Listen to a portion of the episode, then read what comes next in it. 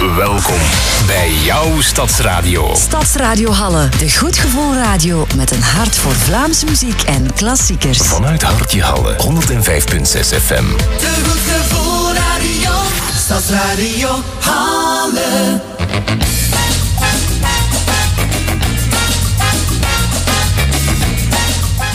We gaan het niet hebben over de extra schaatspisten van de afgelopen week op de Van de Perenboomstraat. En ook niet over de meubelen van Vastio Godot, die helaas niet meer te redden zijn. En dat is een spijtige zaak, uiteraard. We maken wel kennis met de Harmonie van Zuun, die geven een winterconcert. En voormalig drummer van Mama's Jasje en vinylspecialist Steven de Kort is mijn centrale gast in het eerste uur van Totaal van Streek, aflevering 24. Welkom. Weerman Bram kondigt veel sneeuw aan voor woensdag, maar hij zei er meteen bij dat we die voorspelling met een flinke korrel zout moeten nemen. Sneeuw en zout, dat lijkt mij geen ideale combinatie. Hoe dat zit, vernemen we straks van Karel. Iets voor zes.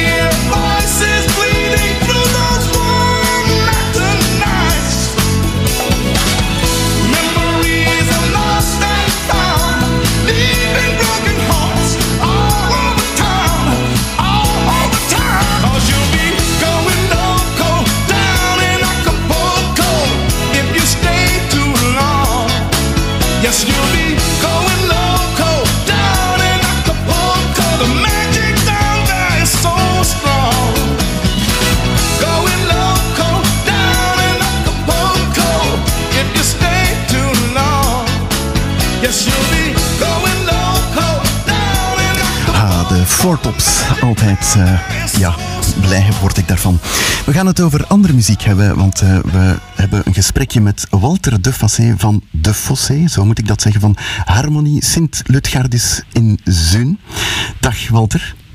Dag Geert, goedenavond. Het zijn eh, spannende tijden, want jullie zijn bezig met de voorbereidingen voor een winterconcert. Vanavond algemene repetitie. Inderdaad. Hoe staat het met de zenuwen? De zenuwen vallen best mee, dus eh, we zijn goed voorbereid. Iedereen heeft zijn uiterste best gedaan. De muzikanten zijn er klaar voor, de zaal staat bijna klaar, de dirigent is er klaar voor. Dus eh, wij verwachten iedereen er morgen voor, dus laten we ons voor gaan. Mhm. We gaan straks nog even dieper in op dat programma, maar laten we even kennis maken met de Harmonie van Zuun, Sint-Lutgardis. Ja. Hoe lang bestaan jullie al? Bestaan van 1902, dus dat is al een 121 jaar zeker. Ja, dus binnenkort hebben wij ons 125-jarig bestaan. Wij zijn ontstaan uit de plaatselijke verenigingen in Zuun. Daar was ook een toneelvereniging aan verbonden. Toen waren we nog fanfare, we zijn dan overgestapt naar harmonie en we zijn nog altijd harmonieorkest sinds enige tijd. Mhm. Wat ik mij altijd afvraag, als een vereniging zo lang bestaat, is er dan nog heel veel archiefmateriaal beschikbaar? Oude foto's, oude krantenknipsels, ik zeg maar wat. Ehm, wij hebben eh, vorig jaar of over twee jaar hebben we, zijn we in onze archieven eens gedoken en is iedereen op zijn zolder nog eens gaan kijken bij degenen die er van toen, alleen niet meer van toen bij waren, maar die ervoor verzameld hadden. En we zijn toch nog wel wat tegengekomen. Eh, oude programmaboekjes, laten we zeggen jaren 60, vij- in de jaren 50 nog. En ons origineel eh, reglement, zoals ze dat toen noemden, dat is eh, enige jaren geleden hebben we dat geschonken aan de bibliotheek van Sint-Pietersleeuw. Omdat wij ze zelf niet meer konden plaatsen. En zij hebben ze toen jarenlang opgehangen in het bibliotheekgebouw in Sint-Pietersleeuw. Ik zou niet weten waar het momenteel zich bevindt, maar wij hopen dat het er nog altijd is. Dus we hebben toch nog wel wat materiaal, maar echt archief van 1902, dat eh, is er spijtig genoeg niet meer. Mhm. Een vraag die vaak terugkomt, wat is het verschil tussen eh, een fanfare en een harmonie? Inderdaad, die vraag krijgen wij dikwijls. Eh, het heeft niets te maken met de fanfare speelt op straat en de harmonie niet. Eh, om het even te kaderen, en dan hoop ik dat je twee minuutjes tijd hebt, Geert, want het is toch wel een iets ingewikkelder dan wat eh, de meeste mensen denken. Eerst en vooral heb je, spreken we van blaasorkesten. Dus eh, iedereen die meedoet, blaast op een instrument, eh, beh- behalve de slagwerkers natuurlijk. En als we de blaasorkesten gaan indelen, dan heb je er drie eh, soorten. Dan heb je en vooral de brassbands. Dat zijn voornamelijk koperblazers, aangevuld met slagwerk. En de melodielijn wordt daar gespeeld door de cornetten. Dan heb je daarnaast de fanfares. Dat zijn ook blaasorkest, zoals ik zei, met koperblazers aangevuld met slagwerk. Maar daar wordt de melodielijn eh, verstolkt door de bugels. En ze hebben als extraatje dat de hele saxofoonfamilie daar ook bij eh vertoeft. En als laatste hebben we dan het harmonieorkest, het meest uitgebreide orkest. Daar heb je de, de blazers natuurlijk, de koperblazers. Maar de melodielijn wordt hier vertolkt door de klarinetten en de andere houtblazers. En in de houtblazers dan bekijken we daarin de dwarsfluiten, ook al zijn die momenteel uit metaal, de hobo en de fagot. Nu, een harmonieorkest kan ook uitgebreid worden nog met een paar strijkers en eh, natuurlijk het slagwerk. Eventueel nog een piano. Dus een harmonieorkest, laat ons zeggen, houtblazers en de fanfare koperblazers. Je hebt eh, geen twee minuten nodig gehad om dat piekfijn uit te leggen. Ehm, hoe gaat het eigenlijk met de harmonie van Zuun? Is daar nog veel animo? Zijn er nog veel nieuwe leden? Is het makkelijk om eh, jeugd te mobiliseren? Nu, zoals elke vereniging het wel zal meemaken, jeugd mobiliseren blijft een eh, puntje waar we moeten blijven aanwerken. Zeker als we onze harmonie of onze vereniging willen levend houden. Wij mogen momenteel niet klagen. Wij hebben elke vrijdagavond hebben wij onze eigen muziekopleiding ook, gegeven door vrijwillige muzikanten. En als eh, de jongeren goesting hebben of zin hebben om muziek te leren, dan kunnen ze op vrijdagavond bij ons terecht. Eens ze wat beter eh, alles onder de knie hebben, dan vragen we ze wel om naar de officiële muziekscholen te gaan. We hebben momenteel een 15 à 20 leerlingen eh, in onze opleiding. En we hopen dan dat ze allemaal doorstromen, maar zoals jullie en iedereen al wel weet, de sportverenigingen hebben het altijd iets makkelijker dan culturele verenigingen om jeugd aan te trekken. Maar we mogen niet klagen. Wij zitten momenteel met een vijfental, 55-tal muzikanten elke week eh, samen te repeteren. En 55 muzikanten die staan morgen op het podium.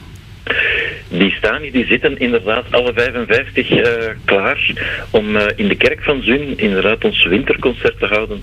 Dat wij elke tweede zaterdag van het jaar mogen opvoeren. Mhm. Wat, staat er, wat staat er op het eh, programma? Wij brengen in ons winterconcert eh, typische harmoniemuziek. Speciale muziek die geschreven is voor harmonieorkesten.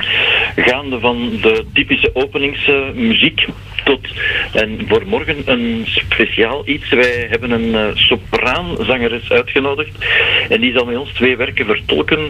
Uh, Doreen Mortelmans komt uit het Antwerpse, zingt professioneel ook mee in het Muntorkest en zij zal twee werken vertolken met ons harmonieorkest. Maar voor de rest niet de populaire, typische muziek, maar speciale muziek geschreven voor harmonieorkest, maar toch met uh, toch leuke melodielijnen. Niet te zware muziek, zoals we dat eens willen noemen, te serieuze muziek. Want de, het publiek moet toch ook nog wel een leuke avond uh, beleven. -hmm. En hoe kunnen we nog aan die kaarten komen voor morgen?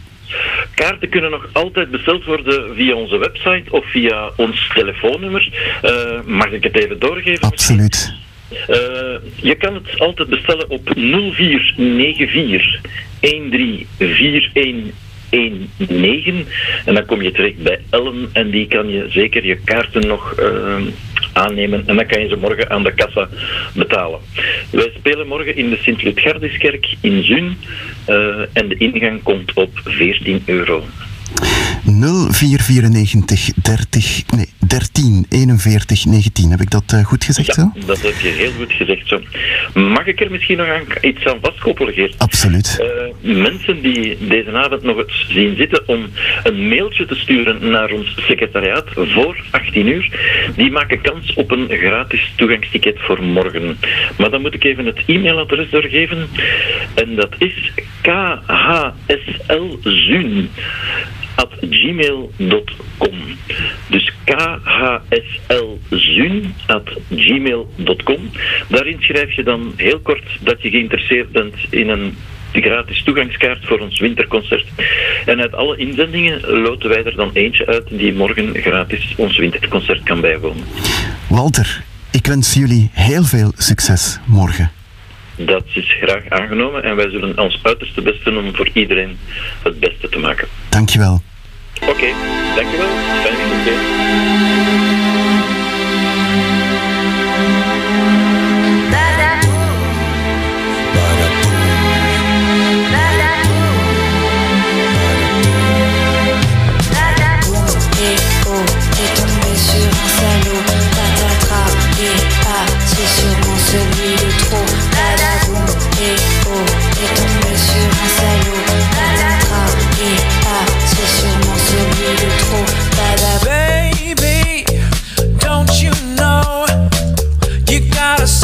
Up and let him go. He calls you baby But can't you see? You're gonna wind up in a mess like me. No you don't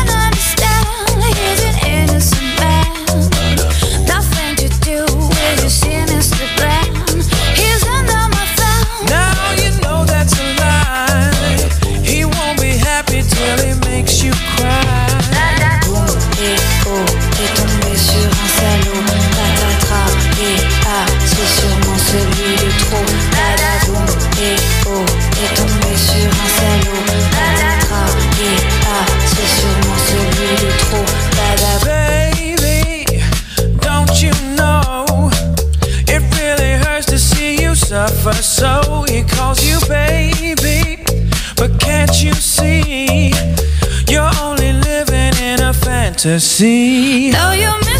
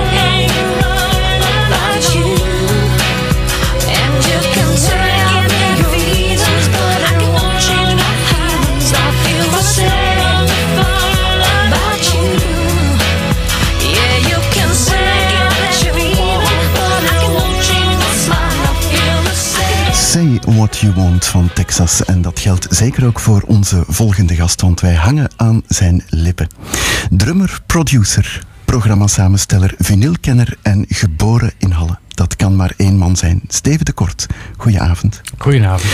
Is dat een correcte omschrijving van wie jij bent?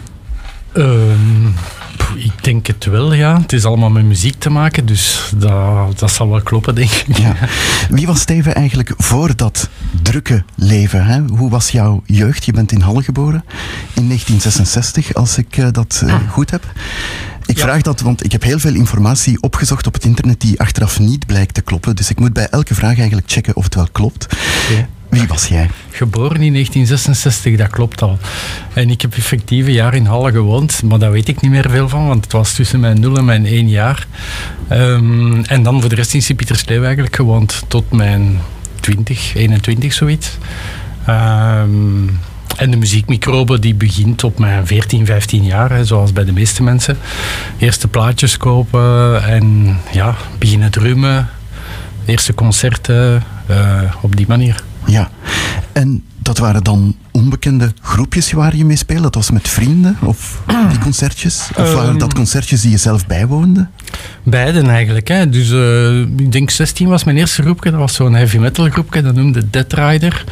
En, en de kunst was dat eh, de gitaristen meestal eh, met één of twee snaren speelden en zo plakkers op hun gitaar. En elke repetitie waren er andere plakkers op de gitaren. Dat maakte het dan spannend, maar op veel, trekken, veel deed dat dan niet. Ehm, en dan zijn we begonnen met eh, de Hobbits eigenlijk, met Guido Springaal, die ehm, in Ethic allee, verschillende halse groepjes gespeeld heeft. En ehm, mijn broer speelde daar eh, gitaar in, in die eerste groep. Eh, later de gitarist van Betty Goes Green ge- geworden. De bassist ook van later Betty Goes Green speelde daar bas dan in. Dus allemaal groepjes die uitzwermden. Er waren eigenlijk in Sint-Pietersleeuw en, en Halle zal ik er maar bij betrekken, maar zo een paar van die groepjes waar dat, ehm, verschillende mensen inspeelden die later in andere groepjes begonnen te spelen. En zo is onder andere Mama's Jasje dan ooit ontstaan. Ja. Ja. Over Mama's Jasje gaan we het straks hebben, maar Mhm. eh, de muziek die jij nu vermeldt, punk en dergelijke, dat is wel van een iets zwaarder kaliber. Ja, ja. Dat is Ik heb zo ook een hardrockperiode gehad, hè, dat ik zo naar... eh, en nog, ik vind dat nog tof, hè, eh, dat ik zo naar Black Sabbath ging kijken in First National en Iron Maiden en, en, en de Scorpions en Judas Priest en Motley Crue. Eh, maar dan het jaar daarna ging ik naar Bob Dylan en Neil Young kijken, dat vond ik ook tof. Dus allee, mijn muzikale smaak is heel breed eigenlijk. Mhm. Niet alleen muziek spelen en luisteren, ook Mhm. muziekprogramma's samenstellen en niet zomaar bij de eerste de beste zender. Studio Brussel, Ja. samengewerkt met de groten van die tijd. Jan Houtekiet, Bert Geenen. Ja, ja, ja. Ehm, ja, allee, eh, dat was ingangsexamen doen. Je werd met, ik weet het niet meer, 40 mensen, 50 mensen. Het was toch redelijk indrukwekkend. Dan moesten ze zo vraagjes oplossen. En dan waren er twee weer gehouden, waaronder ik. En dan moesten een proefprogramma maken. En zo ging dat in die tijd. Hè. En, en de programma's maken was ganz anders dan als dat jullie hier nu doen met de computer. Hè. Wij hadden een typemachine, een kalkeerpapier, drie lagen. Eén voor de presentator, één voor de technieker, één voor het archief. Singeltjes, vinylsingeltjes, enchaînementen maken. Ik weet niet of dat, of dat veel luisteraars dat weten, maar dus dat de ene plaats naadloos in de andere overgaat. Een beetje DJ'en eigenlijk. Hè. Eh, en dan moesten dat uitschrijven voor de presentator, die dan zei van eh, eh, vanaf als je dat hoort op het einde van het nummer, dan moet je de andere plaats starten. En ja, zo ging dat in die tijd. was wel plezant. Mhm. Zijn dat de troeven waar een goede samensteller mee uitblinkt en het verschil maakt met de andere? En waar moest je allemaal rekening mee houden? Met dit segment, maar waarschijnlijk ook nog met andere dingen? ja, je moet rekening houden met het profiel van je zender. Hè. Eh, bij Studio Brussel mocht dat dan redelijk hard gaan, alhoewel dat dan niet toen zo was zoals dat, dat later tijdens de grunge-periode en, en, en nog later tijdens de punkrock-periode geweest is. Ehm, Ik denk het zwaarste dat wij toen mochten draaien was zo ECDC, Paranoid van Black Sabbath, maar verder moest het toch niet gaan eigenlijk in die periode. Eh, ook, ook langs, langs het andere spectrum. Hè. Eh, techno, dat was zo... Rudy Victor Rackard herinner ik mij, die had eh I Love Techno of, of eh, Technoville noemde het geloof ik. Ik ben, ben niet zeker. Eh, en dat was een laatavondprogramma, dat begon om tien uur. Hè. De vrijdagavond werd dat zo stiefmoederlijk in een hoekje geduwd. En zei me van, allee, houd u daar een beetje bezig met techno. Ehm, we spreken over de jaren, begin jaren 90, hè, dus dat was echt... dat werd in de dansings gedraaid en op de radio kon dat toen zogezegd niet. Hè. Mhm. Je hebt ook een eigen favoriet aangegeven, een nummer van Blur, Boys and Girls.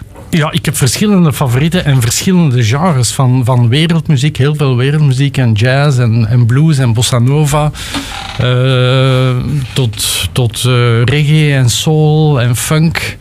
Eh, maar ook dan denk ik aan jullie zender als profiel en Blur is altijd een van mijn favoriete groepen geweest. Eh, ik heb de eerste platen van Oasis, maar je was voor Blur of voor Oasis in begin jaren 90 en ik was echt voor Blur. Ehm, en dit, dit nummer eh, heb ik eigenlijk gekozen omdat Ehm, eh, ik heb ze vorig jaar terug op de Lokerse feesten gezien. En tien jaar geleden eh, had ik ze de vorige keer gezien. En dat was op Werchter. En dan konden zo langs een snake pit binnen. Je moest dan aanschuiven. De vorige... eh, de mensen die in die snake pit zaten van de vorige groep moesten daar dan eerst uit. Dan moest je aanschuiven, moesten daar binnen geraken. Ik met mijn kinderen toen 19 jaar, 18, 19 jaar, ondertussen zijn die al 10 jaar ouder, daar binnen geraakt. En, en hier staan we echt op drie meter van het podium, dat gaat fantastisch zijn. En ik hoorde rond mij zo allemaal Engels praten. En ik dacht van shit, ja, er zitten ook al wat Engelsen op Werchter zo. Bleek als Blur begon dat we volledig omgeven waren door Engelsen. En iedereen begon te springen en eh, met bier te gooien. En, en dat was, dat was ongelooflijk een ambiance. En dat was het nummer waar dat ze toen mee begonnen. En dat was echt een bom die ontplofte op Werchter.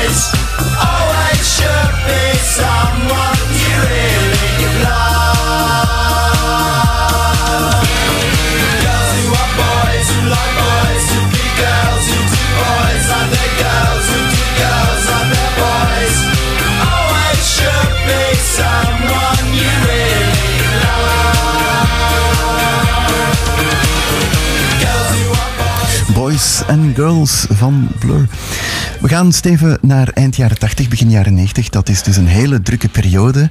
Hè, met eh, ja, radio maken of samenstellen. En ook Mama's Jasje, natuurlijk. Ja, klopt. Op de site van Mama's Jasje las ik dat eh, Peter van Laat ja, de bedenker is van de groep. Het klopt niet helemaal. Ehm, nee, Eh, Peter was er natuurlijk bij. Eh, allee, hij is eigenlijk de vierde erbij gekomen. De groep is eigenlijk begonnen met ik en Herman, de bassist, die een beetje aan het jammen waren. En dan de gitarist van ons Ben, die eigenlijk, laten we zeggen, 90% van de nummers heeft geschreven. Die woonde waar wij repeteerden bij mijn ouders toen in Sint-Pietersleeuw, het weggeltje door, zoals wij dat noemden. Dus dat was echt letterlijk op 100 meter van bij mij dat hij woonde. Eh, die kwam dan meespelen en in het begin zong Ben ook. Waren wij ook voor het grootste stuk Engelstalig bezig. Eh, af en toe een, Nederlands, eh, Nederlandse tekst die Ben schreef. Want Ben was eigenlijk de, de tekst- en muziekschrijver eigenlijk. Allee, de muziek maakten we samen, hè, maar de tekst was absoluut duidelijk van Ben. Ehm, en ja, dat gitaar spelen en, en zingen samen. ja, hebben we dan toch beslist van kijk, we gaan een zanger zoeken. en Peter speelde met eh, een ander groepje, zoals ik daar straks zei. Dat waren allemaal die verschillende groepjes. Want Ben speelde ook in een ander groepje. En Herman speelde nog in een ander groepje. Er waren er een stuk of vier, vijf. Ehm, en eh, ja, met Peter waren we natuurlijk compleet. Hè, want Peter zijn stem, dat staat buiten kijf. Dat dat echt top is, nog altijd. Mhm. Over de, de jas van Mama's Jasje, daar is ook wel een en ander over te vertellen. Het is de jas van jouw mama. Ja, van mijn mama. En daar is iets mee gebeurd. Eh, ja, eh, de, de naam is eigenlijk begonnen doordat ik met Herman eh, s'avonds iets ging drinken. In die tijd was dat zo- zo'n jeansvestjes, dat gaan het. En het was aan het regenen buiten. En de regenjas van mijn ma was zo'n lelijke groene 80s eh, regenjas met van die epauletten in en zo. Echt, echt niet schoon, maar ik deed die altijd aan, omdat dat groot genoeg was voor over dat jeansvestje. En ik zei op een dag van, van ja, vanavond weer op stap zien met mama's jasje. We waren juist een naam aan het zoeken en hij zei van, allee, dat is wel plezant, voor wat pakken we dan niet? En zo is dat begonnen eigenlijk. Eh, en vorig jaar heb ik terug contact gehad met Peter. Eh, allee, we hebben af en toe wel nog eens contact, maar en dan zei ik van, tja, tijdens corona eh, heb ik, zoals de meeste mensen, mijn huis opgekuist en ben ik die jas tegengekomen. En dan dacht ik van, ja, wat ga ik daarmee nu doen? Allee, op de container gooien, dat is zo stom, want daar hangt wel een verhaal aan. Ben ik bij een bevriende schrijnwerker, Luc Merks hier in eh, Halle, gegaan en gezegd van, tja, kun jij mij geen schone kader maken waar dat, dat in is? Ik had, ik had nog een gouden plaat ook nog liggen. Allee, ik had verschillende gouden platen nog. En we, we zetten die, die, eh, eh, die jas in die kader met die gouden plaat bij. En iemand kan dat per opbod vorig jaar voor de warmste week dan eh, opbieden. En ja, uiteindelijk is die jas eh, voor 5000 euro naar de gelukkige gegaan. Ja. Ja. Je bent drummer bij Mama's Jasje. Ja. En we herinneren ons allemaal de doorbraaksingle Zo ver weg. Mhm. Ja, zoveel drum staat daar niet op. Behalve op het einde. Ja, ja, dat was een manier van het nummer uit te werken. Gelukkig, Paul de Spiegelaar, toen de producer, hij is ondertussen al een paar jaar dood, Paul, ehm, vond, allee, was een enorme Beatles fan. kwam eigenlijk altijd in de studio met gigantische stapel cd's van de Beatles en dan zei hij, "Goh, dat nummer zou toch een beetje moeten die richting kunnen gaan of dat zou ik graag hebben dat dat klinkt zoals dat orgelke of dat basken en zo. Eh, en uiteindelijk kwamen we zo bij zo ver weg eh, om het inderdaad, het eerste stuk eh, zonder drums te doen. Live was dat anders. Live was dat echt... eh, dat ontplofte veel meer natuurlijk. Ja. Het ambetante daaraan was dat wij dat moesten op tien om te zien en al die programma's toen brengen. En dat ik en Ben daar stonden zo met ons handen achter onze rug van eh oekes te doen en akes. dat was echt niet plezant, maar ja, zwart. Het, het verhaal gaat enkele jaren mee. dat van Mama's Jasje, dat stopt. En dan ga je verder hè, met andere groepjes. Ja, eh, wel ja, eh, ik werkte toen bij Studio Brussel, kwam daar Claude Perwee tegen. Ehm, goh, eh, ik begon toen met mijn allereerste platenwinkel, Dr. Vinyl. Ehm, dan, goh, hoe, hoe zit dat eigenlijk? Claude Perwee kende Peter Slabbing, die de zanger is van Red Zebra. Eh, en die mijn Nederlandstalig project in zijn hoofd had, De Lamas. Eh, en ik begon daarmee te repeteren en dat was zo echt Nederlandstalige punk. En dat was, ik weet niet hoe tof, met een beetje eh, teksten die, die nogal, nogal obscuur waren en nogal gedurfd waren. Hè. Die, die alle penis was onze hit. Moesten we eigenlijk mee in de top 10 op VTM komen. En is ons altijd geweigerd geweest in die tijd van dat kunnen we niet doen. Ehm, en ik vond dat heel tof. En Mama's Jasje was toch echt meer een commerciële richting uitgegaan. Eh, want Mama's Jasje was in het begin toch meer een rockgroep. Ik denk dat bepaalde mensen dat in Halle zeker nog altijd kunnen bevestigen. Ehm, en na de derde plaats zei ik van, "Gij, Lessert mannen, eh, ik ga verder gaan met de Lamas. Ik heb daar geen zin meer in en zo. En op dat moment zeiden ook Ben, de, de gitarist, en ehm, Herman, de bassist, van ja, eigenlijk voor mij hoeft het ook niet meer al zo. En zodanig dat Peter toen zei van ja, zie je dat zitten als ik die naam verder gebruik en verder doen? Ja, tuurlijk Peter. Allee, bedoel, eh, zo is het eigenlijk gestopt wat ons betreft. Want ja, uiteindelijk is het populairder dan ooit nog altijd. Hè. We gaan luisteren naar een nummer van Mama's Jasje waar je heel goed op te horen bent.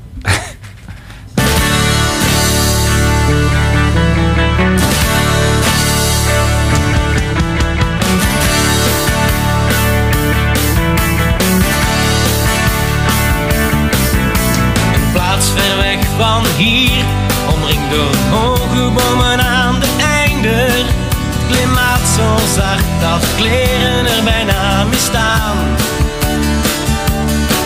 Een huis wat brood en bier. Een mens is er met weinig tevreden, want dat is het wat elders dreigt mis te gaan.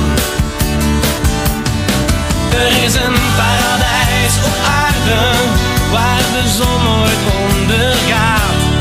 Waar het leven mooi is en de zeeën blauw en toverdrank echt bestaat.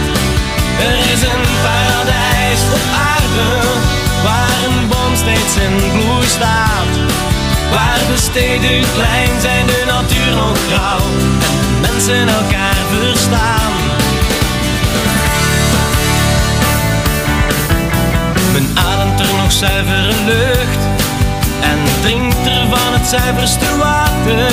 Het is overal zo stil dat men alleen de vogels hoort. Er is geen stress en er wordt nooit gezucht. Natuurlijk evenwicht, ja dat bestaat er.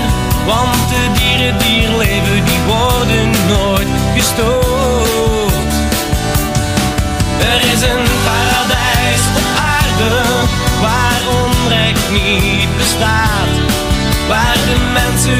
zijn en er vrede heerst en geen sprake is van haat. Er is een paradijs op aarde waar men met macht heel goed omgaat. Waar de winters zacht zijn en de zomers mooi en alles vanzelf gaat.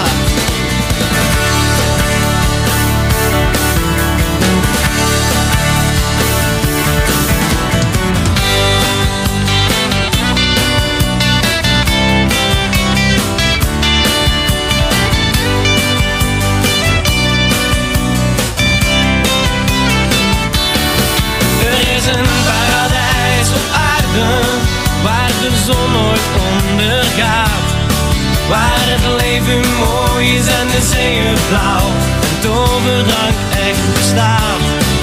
Er is een paradijs op aarde waar een boom steeds in bloei staat. Waar de steden klein zijn, de natuur nog grauw en de mensen elkaar verstaan. Pa, pa, pa, paradijs.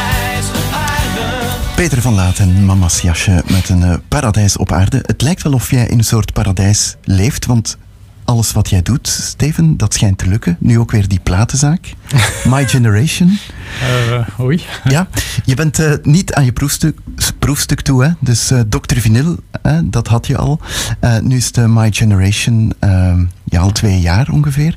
Je hebt een logo met drie cirkels, die Ja. cirkels symboliseren een en ander.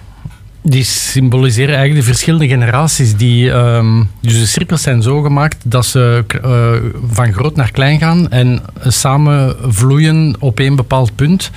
En dat symboliseert voor ons de verschillende generaties die toch naar dezelfde muziek luisteren. Omdat wij eh, dat zo opvallend vinden dat 14, 15, 16-jarigen bij ons binnenkomen. En die kopen de Beatles en de Rolling Stones en de Kings. eh, maar die kopen ook Taylor Swift en Lana Del Rey. Eh, al, al die, zoals ik in mijn jeugd heb meegemaakt, al die genres. En je bent een punker of een rocker, maar je kunt niet de twee zijn. Of je houdt van house en techno, of van populaire muziek, of van slager. Dus, maar je kunt niet van beide horen, dat is volledig weg.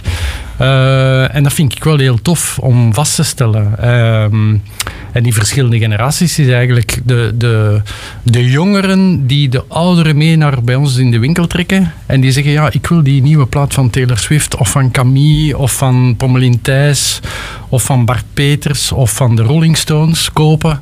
Eh, en de papa komt dan mee en die heeft bij de opa meestal de pick-up nog van de zolder gehaald. Terug geïnstalleerd op de kamer van de 14, 15-jarige. Ehm, en dan begint hij plaatjes te draaien. En dan komt die papa de volgende keer mee. En dan begint hij ook terug een plaat of twee te kopen. Want hij heeft nog zijn 100 platen op zolder staan die hij naar beneden heeft gehaald. Dus het, het brengt zo op een bepaalde manier allemaal mensen bij elkaar. En die cirkels symboliseren dat bij elkaar brengen eigenlijk. En dat vind ik wel heel tof aan ons logo. Dat we toen niet door hadden. Als we het maakten, was, hadden we zoiets van... Ik zou dat wel tof vinden, van dat zo te doen als verbinding. Eh, en dat het dan in praktijk blijkt zo te zijn, dat is wel heel plezant om vast te stellen. Plaatjes opleggen, je hebt het vermeld. Vinyl, dat is jou wel dada, mogen we zeggen. Wanneer is die wedergeboorte gekomen? En hoe komt dat? De- er is een wedergeboorte sowieso, maar eigenlijk ehm, eh, voor deze winkel hadden wij United Scooters. Eh, daar hadden wij eigenlijk ook al vinyl en de kleding die we doen. Hè. We doen eh, voor een stuk ook kleding bij ons in de winkel, maar voornamelijk vinyl. Dus ik ben zelf ook altijd blijven vinyl kopen. Ehm, dus de meeste dingen kwamen wel op vinyl uit, maar dat was super niche. Ehm, en, en sinds een jaar of zes, zeven, acht is inderdaad er een boost gekomen. Je hebt Record Store Day dat begonnen is voor de indie, indie winkels te ondersteunen. Wereldwijd fenomeen. Ehm, en inderdaad, jeugd, jonge mensen eh, die terug vinyl ontdekken. En zo, zoals ik er net kom te zeggen, die de ouderen een beetje meetrekken. En dat is wel plezant. En dan heb je ja, de bestaande dertigers, veertigers, vijftigers die, die eh, blijven vinyl kopen zijn. En doordat er veel meer beschikbaar is, toch ook beginnen meer te kopen. Ehm, dus ja. Hoe komt dat? Is dat dan toch echt dat vinylgeluid dat het verschil maakt? Of is het de hoes? Ehm, het is denk ik vooral de hoes. Je hebt echt iets concreet in je handen. Gatefold in veel gevallen. eh, eh, gekleurd vinyl. Ehm, een plaat kost tussen de 30, 35, 40 euro. Is vrij duur. Maar je hebt daar wel wat voor in de plaats dat eigenlijk, als je het een beetje onderhoudt, niet verslijt of niet kapot gaat.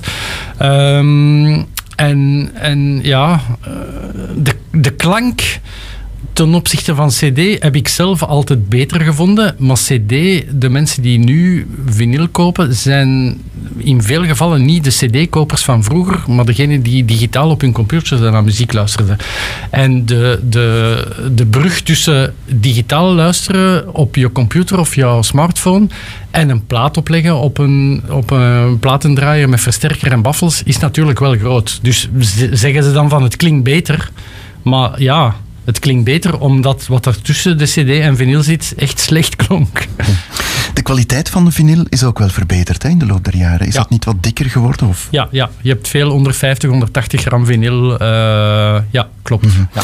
Ehm, platen onderhouden, en dan gaat het niet stuk. Hoe moet je dat eigenlijk doen? Platen onderhouden. Oh, als je een plaat opzet, zou ik zeggen, je koopt zo'n heel simpel borsteltje dat je de plaat eens even laat draaien. Het stof gaat van de plaat.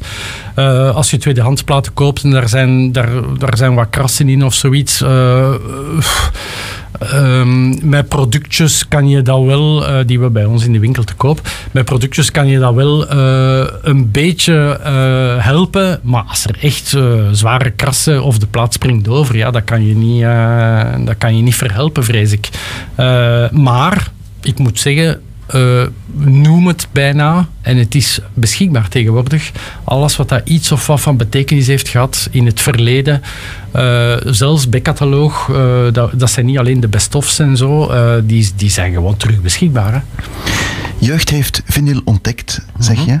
Eh, heeft de jeugd überhaupt centen voor vinylplaten? Want dat is wel een kostelijke grap, of vergis ik mij?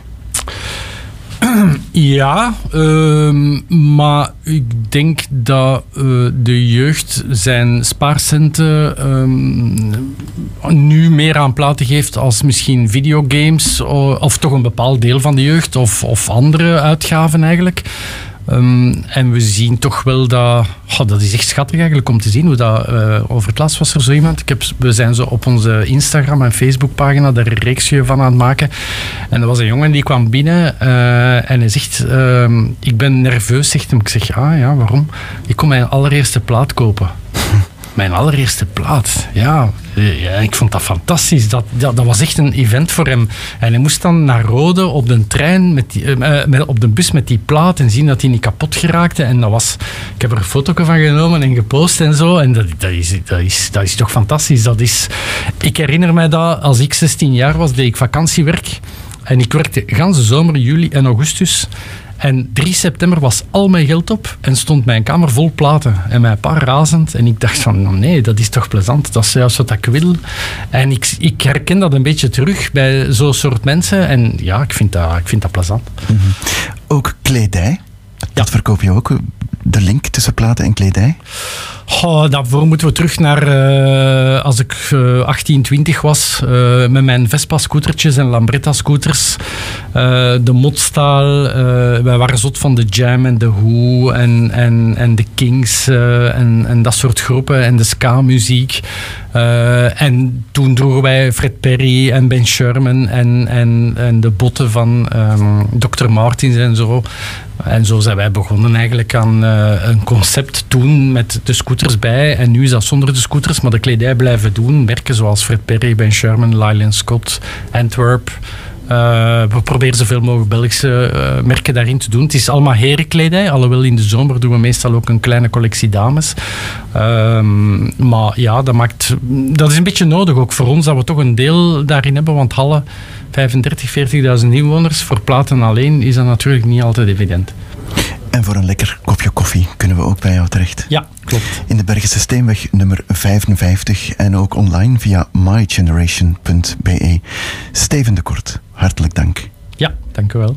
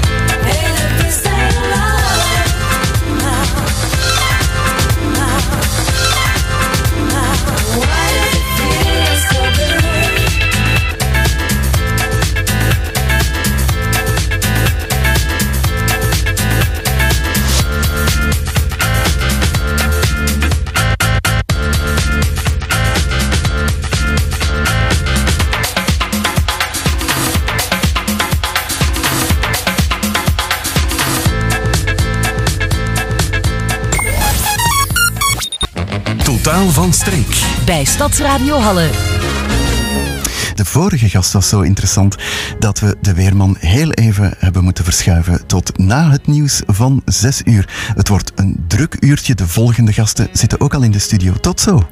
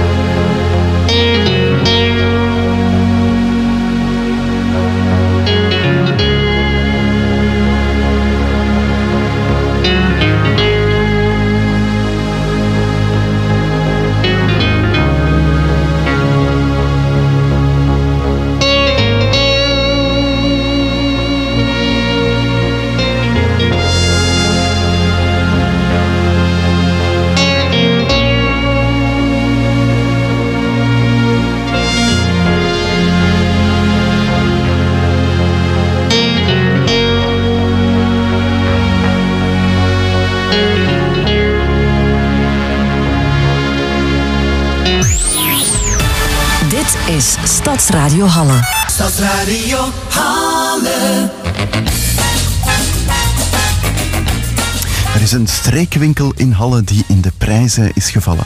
Er zijn nieuwe uitbaters voor de Camprinus. Jeugdcentrum Stroppen zoekt vrijwilligers. En een nieuw trimsalon voor hondjes in Lembeek gaat open. Dat zijn de onderwerpen in het tweede uur van Totaal van Streek.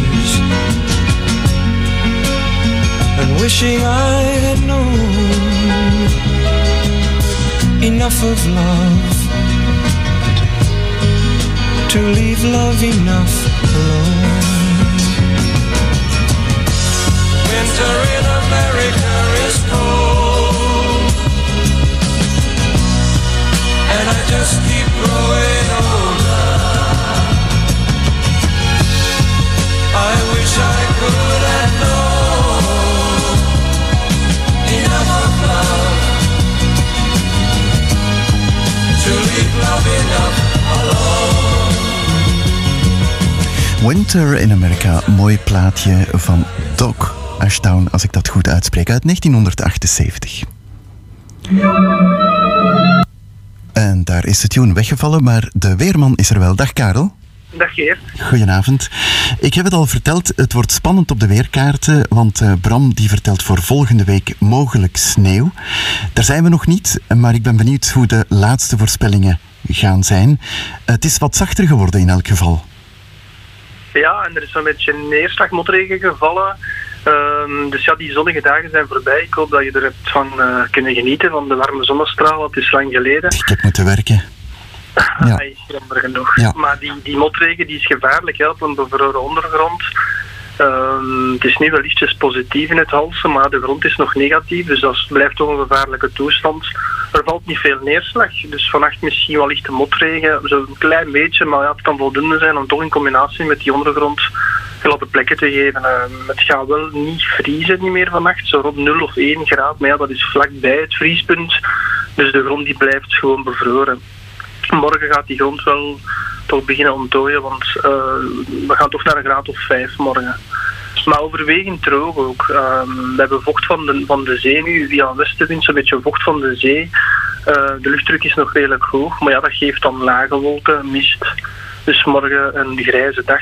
Ehm, maar dan zondag eh, beginnen we ook grijs. Ehm, in de namiddag zouden er dan toch een paar opklaringen kunnen komen. Maar dan verandert het een beetje weer, want er ligt heel, heel koude lucht boven ehm, Scandinavië. En die komt onze kant op. En zondag gaan we dan merken door ja, een beetje wind die toeneemt. Die draait naar west-noordwest. Ehm, er kunnen een paar lichte winterse buien vallen, maar dat zijn van die hele kleine buitjes. Maar ja, er kan toch wat korrelhagel, korrelsneeuw bij zitten. Bij een graad of 3, 4 dan zondag. En dan is het uitkijken naar de nacht van op maandag. Want die buien, ja, het zijn lichte buien, maar dan zijn er s'nachts wel een paar sneeuwbuitjes. Dus we moeten zien maandagochtend met temperaturen rond het vriespunt eh, wat de situatie is eh, op de weg. En dan ook overdag eh, maandag zijn er een paar sneeuwbuitjes mogelijk bij plus 2 graden. Ehm, in de loop van de namiddag, avond op maandag dan ehm, is die hele koude lucht dan wel al binnengekomen en de laatste sneeuwvlokjes waren dan nog misschien neer. Maar eh nacht van maandag op dinsdag ja, min 3 graden toch. Ehm, en dan dinsdag eindelijk dan terug weer meer zon. Gewoon zon, koud winterweer en temperaturen maar juist boven het vriespunt. Dus die koude lucht die, die is dan gearriveerd en ja, ehm, het is nu toch al heel de week koud. Dus we breiden daar een mooi stuk aan. En dan natuurlijk de grote vraag, volgende week woensdag komt daar een, eh, een lage drukgebied onze kant op. En de meeste modellen ehm, voorzien dat het woensdagochtend gaat beginnen sneeuwen in Halle. Ehm, het is natuurlijk, je hoort mij komen, er zijn denk ik vier of vijf scenario's, maar ik denk dat het eh, zal beginnen met ijzel of sneeuw. En dan is het afwachten, eh, gaat het dan over in regen of, of blijft dat sneeuw? Dat is een beetje de grote vraag. En dus er is zelfs een model dat zegt dat het lage drukgebied gewoon voor Noord-Frankrijk is en dat wij niks krijgen. Dus alles zal echt afhangen eh, wat, het, wat het zal worden. Het kan een heel groot verschil zijn, een laag sneeuw van enkele centimeter of, eh, of helemaal niks natuurlijk. We zitten weer op die grens van die koude lucht ook, hè? We hebben al Ja, heel vaak op de grens gezeten. Inderdaad, die blijft zo in de buurt hangen en dan ook donderdag en vrijdag terug koud hoor. Dan lijkt die koude lucht terug te winnen. Ehm, afhankelijk als er dan sneeuw ligt, ja, dan, dan kunnen we echt naar matige vorst gaan of, strenge vorst zelfs. Maar het is allemaal nog heel, heel moeilijk om zo vooruit te kijken. Maar de kansen zijn er en eh, dat is wel leuk. Het is nu midden van het putje van de winter, zeggen we altijd. En ja, dat is normaal nu. Hè. Dus, Is er eh, een, al een beetje zicht zo op hoeveel sneeuw er zou kunnen vallen? Over hoeveel centimeter? Hè? Zeker in de Ardennen dan? we kunnen wel al zeggen dat er een, een smalle zone, allee, het is nog altijd heel ver, maar een smalle strook, ja, dat is zo'n strook van een vijftigtal kilometer, maar waar er toch meer van 10 centimeter gaat vallen. Dus eh, dat wordt het moeilijke van nauwkasten. Dus natuurlijk op maandag en dinsdag kijken van wat, zijn de laatste voorspellingen. Maar smalle zone, ja, kan zomaar heel Vlaanderen zijn die in de sneeuw zit. kan ook zijn dat we helemaal droog, eh, droog houden of dat we in de regen zitten. Dus, eh, maar nu de modellen geven sneeuw. Dus ik pak daar zo het gemiddelde uit. Ik denk dat we toch wel woensdagochtend moeten oppassen. Ehm, het kan ijzel zijn, het kan sneeuw zijn van 2, 3 centimeter eh, of eventueel meer. Dus dat moeten we in de gaten houden op woensdag. En daarna dan waarschijnlijk vriesnachten. En nog daarna in het weekend en, en daarop volgend, daar gaan we het niet over hebben, want eh, daar gaat het weer de verkeerde kant op. Als je weet wat ik bedoel. Ja, dat zullen we dan volgende week wel zien. Ja. Karel, dankjewel. We kijken er naar uit, naar wat er gaat gebeuren. Tot volgende week, hè? Ja, tot volgende week. Dag.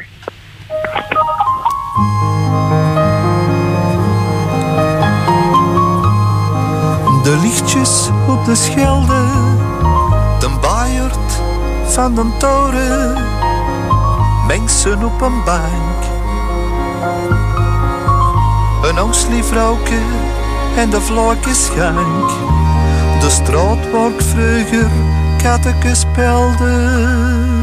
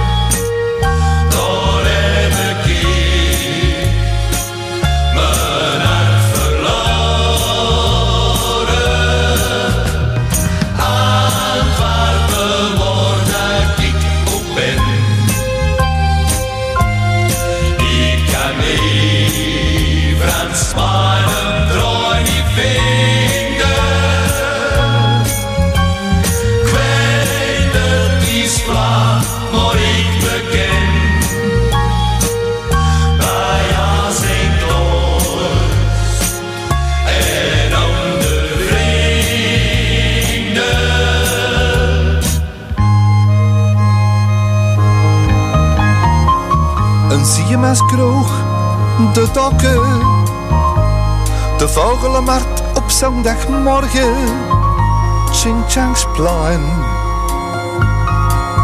En Bravo Zee van zijn fontein, een jonge flotte naar een mokken. Antwerpen gaat zich gaan verloren, door de stad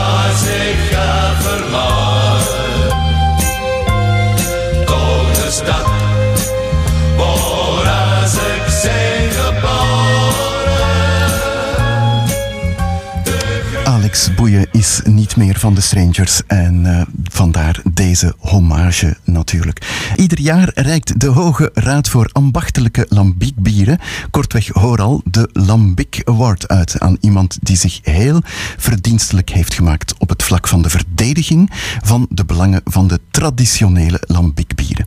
De prijs voor het jaar 2023 werd vorige maand uitgereikt en onze reporter ter plaatse, Paul Poels, had een gesprek met een van de organisatoren, Gert Christiaans. Gert Christians, jij bent vandaag waarschijnlijk een heel gelukkige voorzitter van Horal. Ja, tuurlijk. Vandaag heb ik de Lambic Award mogen uitreiken voor Horal. Eh, dus de Lambic Award is een award die we uitreiken aan een persoon, een organisatie die zich eigenlijk eh, sterk ingezet heeft voor de promotie of de bescherming van de traditionele Lambic bieren. Dit is al de twaalfde keer, hè? Klopt, ja. Twaalfde keer. Dus in 2011 was de eerste keer dat we Lambic Award uitgereikt hebben. En eh, ja, vandaag zijn we hier met de nieuwe laureaten, hè, de nieuwe winnaars van de Lambic Award. Hoe staat het eigenlijk met de samenwerking tussen al die lambic-brouwers? Ja, ik denk dat die intensiever wordt, die samenwerking. We zijn over de jaren heen geëvolueerd naar eh, een organisatie die eigenlijk op heel veel projecten aan het werken is. De, een van de laatste projecten eh, is echt het toerisme gaan uitbouwen hier in de regio met Lambic bieren. En daar heb je de steun van alle producenten op nodig. Jullie hebben een nieuwe club binnen Horal, hè? Ja, klopt. De klik van de Lambic, dat zijn onze steunende leden. Dat zijn mensen die eigenlijk eerst financieel als lidmaatschap eh, bijdragen aan Horal, maar die zich ook wel willen inzetten om in zijn activiteit te gaan ondersteunen of eh mee de Lambic bieren te promoten. Hoe staat het met het nieuwe brouwsel dat stilaan aan het pruttelen is? Ja, dat pruttelt altijd mooi in dit seizoen. Eh, Het is het koude seizoen, dus dan liggen al de vaten terug vol met jonge Lambic. Is het beloftevol? Absoluut, absoluut. Hoe staat het met jouw kriekenkweek? Want jij was begonnen met eh, krieken te kweken om achteraf de kriek te maken met je eigen kriek. Nou. Ja, klopt. Ja. We hebben 240 Schaarbeekse kriekelaren achter de brouwerij. We hebben nu het project dat eh, een half jaar eh, uitgesteld is, maar wij gaan nog een 500 à 600 bomen bijplaatsen achter de brouwerij. Dus dat breidt uit, maar dat heeft ook zijn tijd nodig. Zoals een goede fles geus heeft dat ook zijn tijd nodig. Hoeveel jaar moeten we wachten om echt een mooie opbrengst van die krieken te hebben, om echt ook de kriekenberen te kunnen maken? Wel, niet evident, want het hangt ook een beetje af van het klimaat. Het bovenste gedeelte zit op een zandgrond, waardoor dat met die warme zomers die we gehad hebben, de bomen eigenlijk minder gegroeid hebben. Het eh, benedenstuk waar we meer bomen gaan aanplanten, heeft een zandleemgrond die idealer is voor de Schaarbeekse kriekelaar. Dus dat gaat iets sneller gaan. Maar ik denk, ja, neem toch nog een drietal jaar.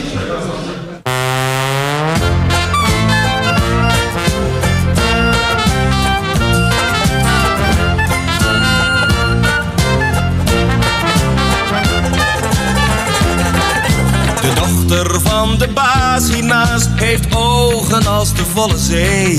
En ik wil op die golven mee. Omdat haar glimlach mij verbaast. De ballen op het groen biljart slaan tikkend, het is tien over rood. En ik staar zwijgend naar haar hart. En zie haar langzaam roze bloot. Is bitter, bier is best, bier is beter dan de rest. Bier is bitter, bier is best, bier is beter dan de rest.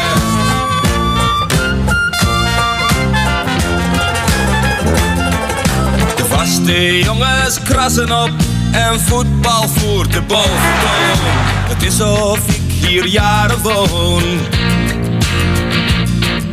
De ober tapt de laatste mop. En de tv zonder geluid laat zwijgend moord en doodslag zien. Het lijkt wel ver achter die ruit.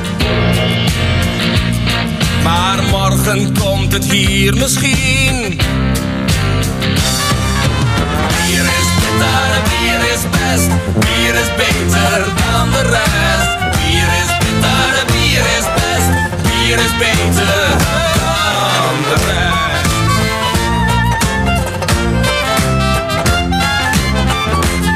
Ik zit als laatste hier en drink en roep de oude dromen op. En met mijn klaverjassen schop heb ik de gaten in het zink. Ik streel haar blote zachte arm en krijg in de ruil een laatste glas. Misschien is het morgen wel weer warm. En loop ik buiten zonder jas. Wow, bier is bitter, bier is best. Bier is beter dan de rest. Bier is beter, bier is best. Bier is beter dan. rest. Bier is beter, bier is best. Bier is beter. Bier is beter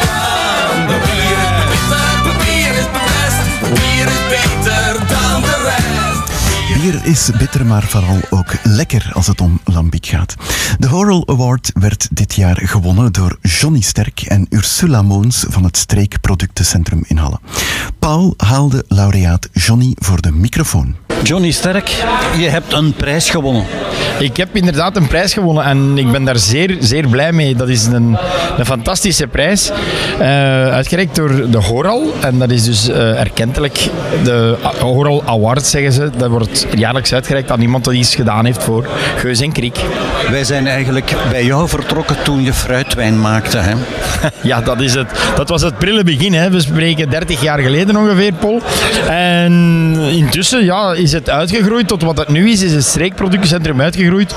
Dus een vijf jaar later hebben wij in Buizingen gestopt met daar te produceren. En dan is het uitgegroeid naar eh, verkoop van allerlei streekproducten.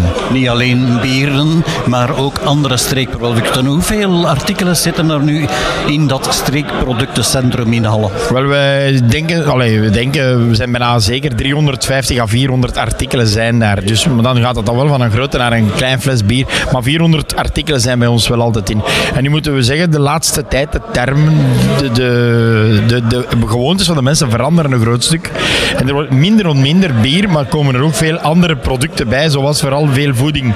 Er wordt veel meer voeding verkocht nu dan eh, jaren geleden. In het begin heb je een rondreis moeten maken om al de brouwers te contacteren om ze in uw winkel te krijgen.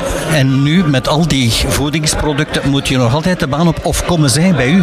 Wel, het is ook een stuk veranderd. Wij proberen nu ook, we staan ook sterker natuurlijk, door te zeggen, ja, we hebben een hele grote, goede draaiende winkel. Dus nu komen de mensen wel veel meer naar ons en wij gaan wel veel minder de baan op. Maar ik moet nog wel zeggen, de bieren en zo verder, die worden nog altijd afgehaald eh, bij de lokale brouwer zelf. En daar houden wij ons ook aan, om dat zoveel mogelijk te doen. Dan hebben we ook contact met de brouwer. En dat is altijd, in mijn optie, altijd heel belangrijk geweest. Ik wou ook altijd weten van waar het product, wat er achter het product zat. En eh, een streekproduct is niet iets dat je gewoon in een rek zet. Nee, dat heeft een verhaal. En dat verhaal moet je kunnen meegeven naar je klant. En dat is altijd ook een van onze sterkste kanten geweest. Als mensen bij ons kwamen, dat ze ook konden uitleg vragen over wat koop ik nu of wat is dat. Ja, en binnenkort ben je hoteleigenaar, hè? Bij hoteleigenaar, ja, dat is een heel groot woord. Het is dus zo, ik heb het geluk om in prepensioen te mogen gaan. Ik ben wel een hotel aan het bouwen. En dat is de bedoeling dat de dochter en de schoonzoon de zaak gaan verder zetten. Dus de winkel en het hotel gaan zij verder zetten. En ik en Ursula, we gaan haar daar, hun daar zeker en vast in steunen. En onze bedoeling is om verder te werken, de toeristische kaart te trekken, mensen te begeleiden naar de bierwereld toe. Eh, ja, leuke momenten laten te beleven in Pajottenland. Maar de winkel blijft.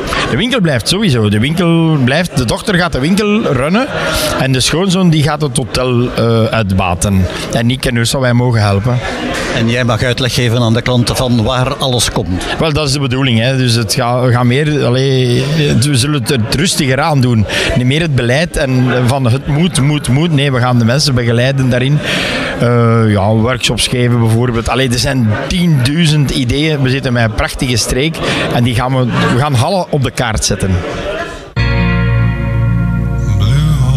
Hotel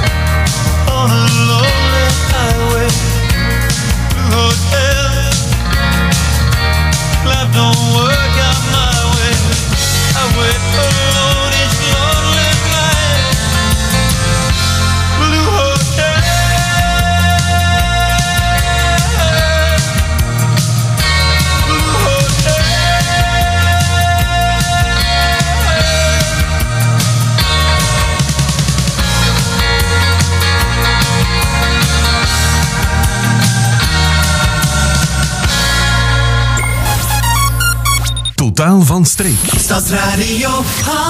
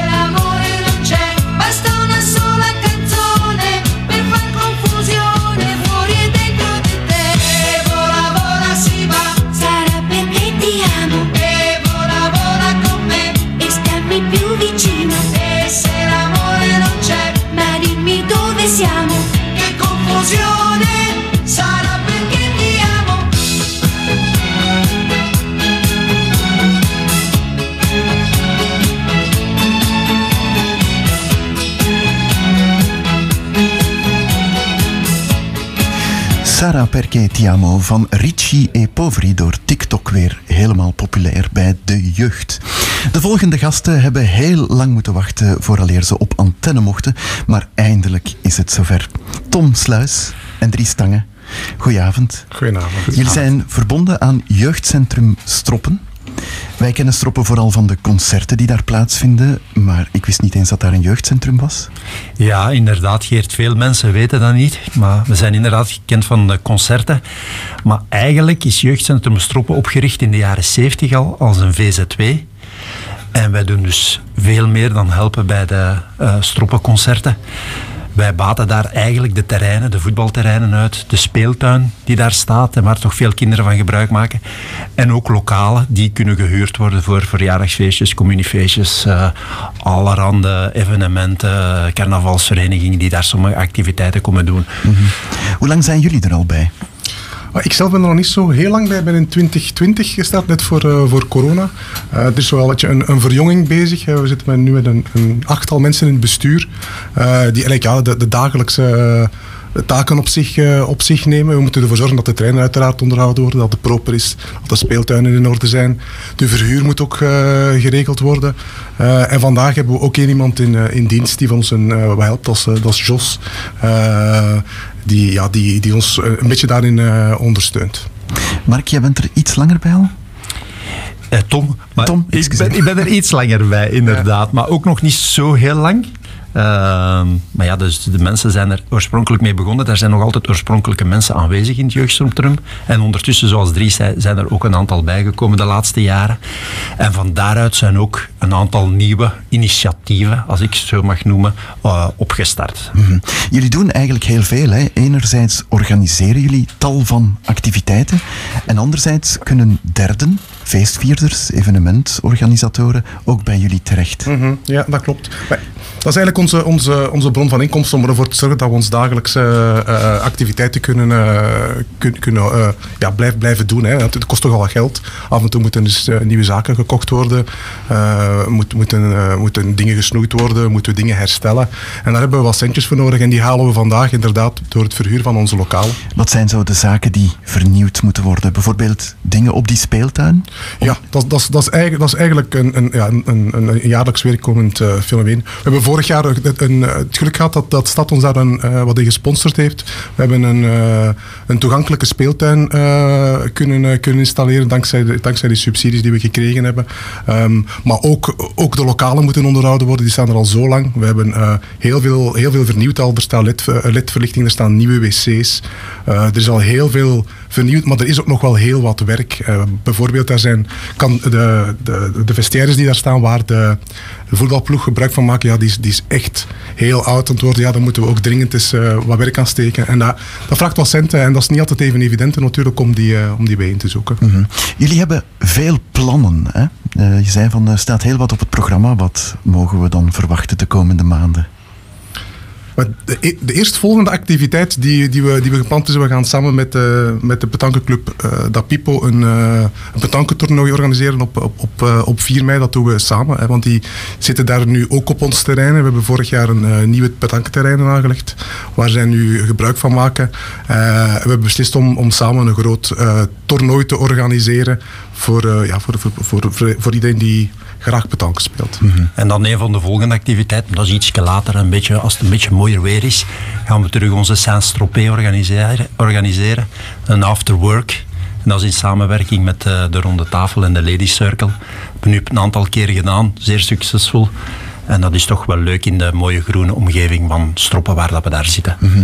Je hebt het al een beetje gezegd, hè, Tom. Heel wat evenementen, communiefeesten en dergelijke. Maar welk type feesten kan je daar allemaal laten doorgaan bij jullie? Oh, ik zou zeggen, alles is mogelijk. Dat is een beetje het voordeel van de locatie. Ehm, de lokalen zijn, we proberen die zo prijselijk mogelijk te houden, want dat is echt wel de bedoeling dat iedereen van de faciliteiten die we hebben, van de terreinen, de speeltuin en de lokalen kan gebruik maken. Wat gaat er het meeste door? Dat zijn privéfeestjes, dat zijn verjaardagen, dat zijn pensioneringsfeestjes, communie, lentefeestjes, maar ook multiculturele activiteiten gaan erdoor. Dus dat zijn een aantal van de dingen die mij nu onmiddellijk te binnen schieten, die zeer veelvuldig eh, terugkomen. Werken jullie dan ook samen met catering en dergelijke? Of moet dat ook zelf gezocht worden door de organisatoren? Nee, nee dat, dat doen we niet. Dus wat dat we doen, wij, wij stellen onze zaal ter beschikking. We hebben ook wel een, eh, een keuken waar eh, ja, alle materiaal aanwezig is. Eh, maar het, het, de- het, voorzien van de drank, het eten en dergelijke zaken, dat doen we niet. Dat is voor de mensen die de zaal huren. Maar jullie werken wel samen met verenigingen. Hè? Jullie zoeken wel contact op met andere organisaties. Absoluut. Zoals de samenwerking daar is met de voetbalclubs, met de voetbalvereniging, met Petanclub Da Pipo nu. Daar is trouwens ook iedereen welkom als we terug beginnen spelen om eens een kijkje te nemen. Die spelen twee keer per week eh, als het mooier weer is. Eh, met de ronde tafel zoals ik al aangaf en de Ladies Circle. En dus moet ook eerlijk toegeven, de werking met de stad Halle is ook eh, enorm verbeterd en op een hoger niveau gebracht de laatste jaren. Jullie zijn hier om vrijwilligers te zoeken, hè? want het is eh, heel veel werk en heel veel organisatie en jullie zoeken nieuwe mensen. Wie zoeken jullie precies? Goh, eigenlijk is iedereen die, eh, die een hart voor Hallen heeft, een hart voor, voor, eh, voor stroppen, ehm, ja, die is bij ons welkom. We, hebben, we hebben het, om, het, om het een beetje op te splitsen, hebben we eigenlijk eh, een aantal werkgroepen opgericht, wat, waar we het meeste werk aan hebben, of zullen hebben in de toekomst. Want Jos, waar ik straks over sprak, ja, die gaat over een, een, een aanzienlijke periode op pensioen. Die kunnen we niet vervangen, maar we moeten wel mensen hebben die bijvoorbeeld de, de zaalverhuur regelen, waarbij mensen, ja, mensen welkom heten, mensen uitleg geven hoe de zaal werkt, eh, achteraf ook controle doen om te zien dat alles in orde is. Dat is, dat, is, dat is één stuk van het verhaal. Maar dan langs de andere kant is er heel veel onderhoud nodig op, eh, op, op het terrein ook. Hè. We, moeten, ja, we moeten vuilbakken moeten leeggemaakt worden. Soms is er wel eens zwerfvuil die daar eh, die rondslingert. Er moet gesnoeid worden. Ook daarvoor hebben we, hebben we werkende handen nodig. Eh, we moeten bijvoorbeeld ook het, het, het gras hè, voor, de, voor de voetbalploeg moet heel regelmatig eh, afgereden worden. Ehm, en we zijn ook van plan om regelmatig wat werkdagen te organiseren. Om dan op zo'n moment samen met een aantal mensen ja, dingen te herstellen die dringend moeten hersteld worden. Het, het dak moet dus schoongemaakt worden. Er is altijd wel, wel iets te doen. En het idee een beetje is van, ja, met, met hoe meer handen dat we zijn, hoe, hoe makkelijker eh, werken het wordt. Mensen die gemotiveerd zijn en die een handje willen helpen, die kunnen jullie contacteren, mailen, bellen. Absoluut. Ik zou zeggen, de eerste eh, entry is de website die we hebben, Jeugdcentrum Stroppen. Ehm we staan ook op Facebook. En er is ook een eh, introdag voor de vrijwilligerswerving. Eh, die gaat door op drie- ja, 22, 22 januari, januari. 22 januari om 8 uur in de lokaal van Jeugdcentrum Stroppen. Dus daar gaan we een beetje de werking van Jeugdcentrum Stroppen toelichten. En eh, alle mensen die een eh, handje willen bijdragen zijn zeker welkom is, om eens te komen luisteren. En zoals Dries het aangaf, wij zoeken vrijwilligers. Dat is denk ik een beetje het voordeel. Iedereen kan zijn kwaliteiten of capaciteiten benutten. Dat hoeft niet iedere week te zijn. Eén keer per jaar is voldoende. Dus iedereen die een handje kan komen bijsteken, oh, met veel plezier. Tom en Dries, bedankt voor jullie vrijwillig bezoek aan de studio. Dank jullie wel. Dank je wel. I'm just a little bit caught in the middle. Life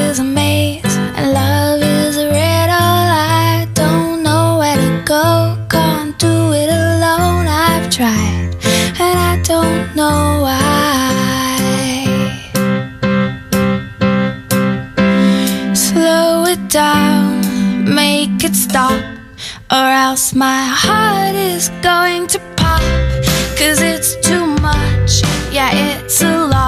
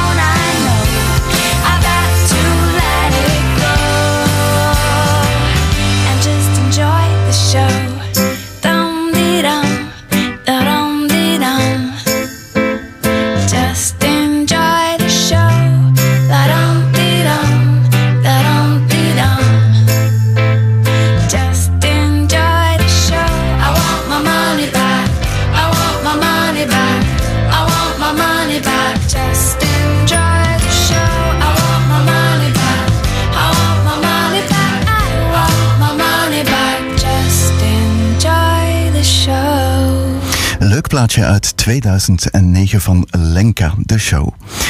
Café Cambrinus in Halle bestaat al lang en heeft ook al veel uitbaters gekend. Sinds enkele dagen zitten er weer nieuwe, gemotiveerde mensen in. Jenny en Roberto, moeder en zoon. Ik ging gisteravond kennismaken in de Bergense Steenweg nummer 16.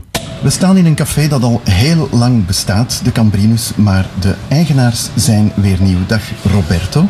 Dag eh, Geert. Je bent er al een paar dagen in. Hoe zijn de eerste dagen verlopen? Oh, eh, zeer goed. Heb je al veel klanten over de vloer gehad? Ja, ook eh, onze oude klanten van de 21 en een paar nieuwe klanten ook al. Ja. Mhm. Hoe heb je dat beleefd? Hè? Je zag een advertentie staan van over te nemen café. Ben je daar meteen opgesprongen?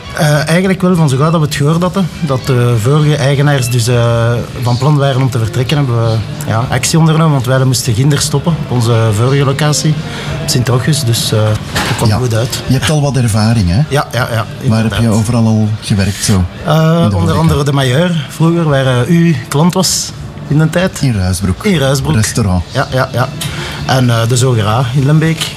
Dus heel veel horeca. Ja, ja, ja. Maar nu ben je voor het eerst je eigen baas? Ja, eh, ja inderdaad. Wat zijn de troeven van dit café? Eh, die zijn we nog zelf een beetje aan het ontdekken, maar we gaan dus ook eten geven. Eh, dus een vaste kaart, een dagschotel. Ehm, er komen ook, allee, er is een kikker, er komen spelletjes, dus ja, bingo's en eh, de jukebox, die heb je al ontdekt. En schuifbek hebben we ook, dus een beetje van alles te doen. hier. Mhm. Ik zal nog een troef aanreiken voor in de zomer. Een terras met zon. Inderdaad, inderdaad, ja. Ja. Het is terras. Is het eh, leefbaar in de horeca? Want alles slaat op. Energie, de drank wordt duurder. Ik denk dat wel, ja. Ja, je gelooft erin. Ja, ja, ja. we doen ons best. Gaan ons best doen. Je doet het niet alleen, hè? Je Nee, doet nee, het nee. eh, samen met je moeder. Ja, inderdaad. Je mama is geen twintig meer. Nee, nee. Eh, had zij nog zin om op haar leeftijd... Ja, ik heb, ik heb, haar, ik heb haar verplicht. Zeg, zolang dat je geen 90 bent, moet je blijven voes doen. Ja. Dus, Oké. Wat zijn je ambities? Hè? Je wil dit café weer een beetje op de kaart zetten. Hoe ga je dat doen? Inderdaad, dus ja, dus eh, deels met, met het eten. Eh, zien dat we goed eten serveren, eh, dat we ook altijd op tijd open zijn. Eh, dus ja, met ons terras, eh, onze spelletjes, eh, vriendelijk zijn met de mensen, dat is heel belangrijk. En het graag doen en graag blijven doen. Hè. Welke dagen zijn jullie open? Dus wij zijn dinsdag en woensdag gesloten. De andere dagen gaan we open zijn van eh 10 uur 30, eh, met de markt iets vroeger. En dan de gewone sluitingsuur, eh, 1 uur in de week en 3 uur in het weekend. Mhm. Welk eten gaan jullie zoal serveren? Eh, dat gaat van, eh, ja, van een, een, dagsoepje, een dagschotel tot een steak, een entrecote, een paar dessertjes, een beetje van alles. Een beetje van alles. Aan democratische prijzen. Ja, daar gaan we eh, proberen aan te geraken. Roberto, ik wens jou heel veel succes. Dank je wel, een dikke merci. Jenny, jij staat samen met uw zoon in het café. Hoe is dat? Heb je nogal samen met hem gewerkt? Ja, wij hebben samen eh, op Sint-Rochus Café gehouden negen jaar. Ja. Maar dat was daar einde contract, dus eh, we hebben gezegd van oké, we gaan een keer iets nieuws doen. Een beetje meer in de stad. Maar voor jou is de horeca dus absoluut niet nieuw. Nee, nee, nee, nee, zeker niet. Vergelijk het eens, eh, het café op Sint-Rochus met dat hier. Want zo groot is het hier niet, hè? Nee, hier is ook geen zaal, maar het café in C is wel groter als Ginder. Hè. Mhm. Dus de toog is eh, maal drie, laat ons zeggen. Je kunt toch al een deel meer volk binnenzetten als, als Ginder in het café zelf. En ja, de ligging is ook veel beter. Hè. Je zit in de stad, hè, bijna. Ja. En je hebt zon op het terras in de zomer? Ja. Wie gaat voor het eten zorgen? Ga jij dat doen? Ben nee, jij nee, de nee, nee, dat is Roberto. Dat is Roberto. Ja. ja. En wat is jouw taak? Eh, commanderen en zelf doen. Commanderen en zelf doen. ja, ja. Je bent geen twintig meer. Eh, Eh, drie maal twintig ondertussen. Drie maal twintig. Ja. Had je er nog zin in om in een nieuw avontuur te stappen? Maar ja, hè. ik ga nu nog niet stoppen. Hè. Nee. Dat is wat vroeg. Hè. Wat zijn de troeven van dit café?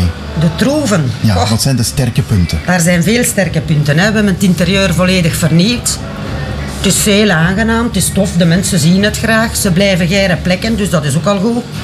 Dat is al een dikke troef, vind ik. Hè. Als ze binnenkomen en ze gaan niet meer geire buiten, dat wil alles zeggen. Hè. Absoluut. Voilà. Ja. Dankjewel. Graag gedaan.